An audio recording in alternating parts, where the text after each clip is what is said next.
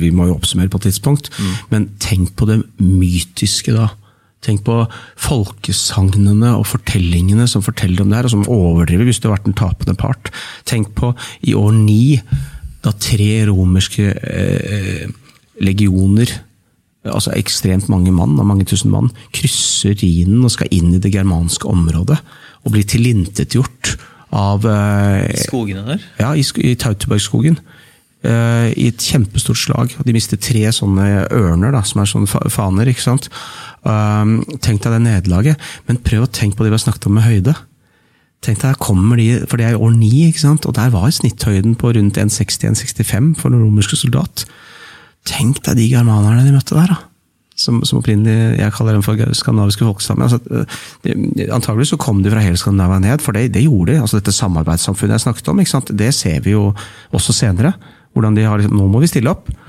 Og, og jeg, bare, jeg bare ser for meg hvor de som overlevde hva forteller de når de kommer hjem med det største eh, militære nederlaget noensinne, egentlig? Og, og så mange daue. Og, og du trenger ikke å overdrive hvor svære monstre de var, men det gjorde de sikkert også. Jeg bare lurer på den der gigant-troll, uh, Goliat-mytene. For vi er i bronsealderen også. Der, vi vet jo om flere slag der også. uh, so, so, som handler om altså, eh, Som er litt voldsomme.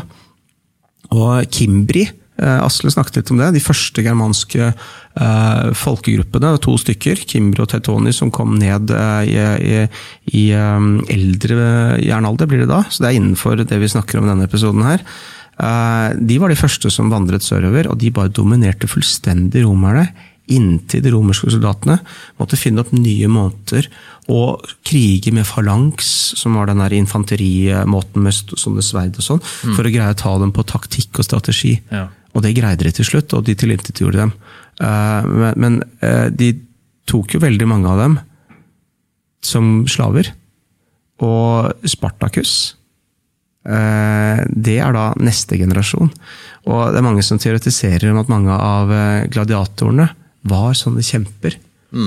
Og Spartacus og gladiatorkrigene som, som han hadde Det er mange som mener at mange av de var etterkommerne etter Tautoni og, og, Kimbri, disse tidlige skandinaverne.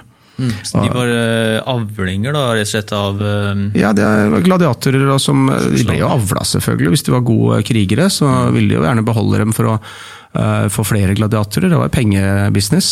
Slaveri er jo en, eh, en egen eh, historikk rundt det. Det, er, det er gjennom hele historien. Virkelig, altså. Um, så I, i bronsealderen så ser vi da at eh, samfunnet forandres totalt um, med disse som kommer fra Sentral-Asia. Og jeg har fortalt litt om den kulturen de hadde med seg, og et helt eh, Altså, det, er så mye. Og jeg nevnte patriarkatet. eh, hvordan samfunnet ble da ekstremt mannsdominert, men også ekstremt hierarkisk. Så klassesamfunnet er jo også fra den tiden her. Og det skulle jo eh, Engels og Marx visst om da de skrev eh, bøkene sine, og Das Kapital, for, fordi eh, de snakker om liksom, ja, dette er en utnytting i nyere tid, men de hadde jo ikke grunnlag for å vite om det her, hvor langt tilbake i tid det går. Og det samme med, Max Weber, sosionomens far, som, som pekte veldig på eh, konkurransesamfunnet og, og eh, klassesamfunnet eh, på, en, på en annen måte. Da. Og, og, og det hvordan eh, i Nord-Europa så har man vært så flinke til å kombinere det med å ha en god gudstro, med å være god på kapitalisme. Han, han kalte det å være en god lutheraner i sin protestantiske etikk, den boken der, som ble jo kjempepopulær. Eh, og han trakk det tilbake til 1500-tallet, naturlig nok. Han hadde ikke forutsetninger for å vite noe om DNA eller sånne ting. Men nå vet vi at dette her går jo rett tilbake til bronsealderen. Dette er det samme konkurransementaliteten som vi har i business og idrett i dag. Det stammer fra bronsealderen. Det er jo det samme. Det er, det er røde tråder hele veien igjennom, hvor du konkurrerer som folk, som grupper, som individer. eh, Hele veien oppover. Bystaten i Italia. Det er, samme, det er en parallell her, og det skal vi ta i neste episode, men men det, det er liksom um, røde tråder hele veien oppover. Og det er det perspektivet jeg ønsker å presentere. uh, hvor vi må slippe litt disse oppdelingene i bronsealder og jernalder og, og, enda mindre, eller bare tenke på norgeshistorien starter med Harald Hårfagre. Mm. Nei, her, her, er det ting som er fint å vite. Vi vet jo at vi har 60 sekunder og 60 minutter fra sumerne, f.eks., og Babylon og langt tilbake i tid der. Mm. Men, og ukedagene våre så har vi jo fra 2000 år tilbake, og disse germanske folkestammene, og månedene fra romerne. ikke sant? Det er masse sånn som vi har gammelt. Er det relevant for i dag? Ja, vi bruker det hver dag. Men, men eh, store, viktige eh, føringer for hvordan vi lever våre liv. Hvis vi vet hvor gamle de er, så vet vi kanskje at eh, hvis vi går rundt og har et ønske om å si 'knus patriarkatet', så må vi kanskje tenke oss om at dette er jo mye eldre enn sånn som jeg så en bok kom ut i fjor. liksom hadde startet med eh, grekerne for 2200 år siden, men nei, det gjør ikke det. Mm. Og Hvis man vet røttene til det også, og hvis man vet hvordan Eh, vi som mennesker har levd i grupper og hatt behov for hierarki. Det var jo her kommunistene tok sånn feil, eller bolsjevikene tok sånn feil.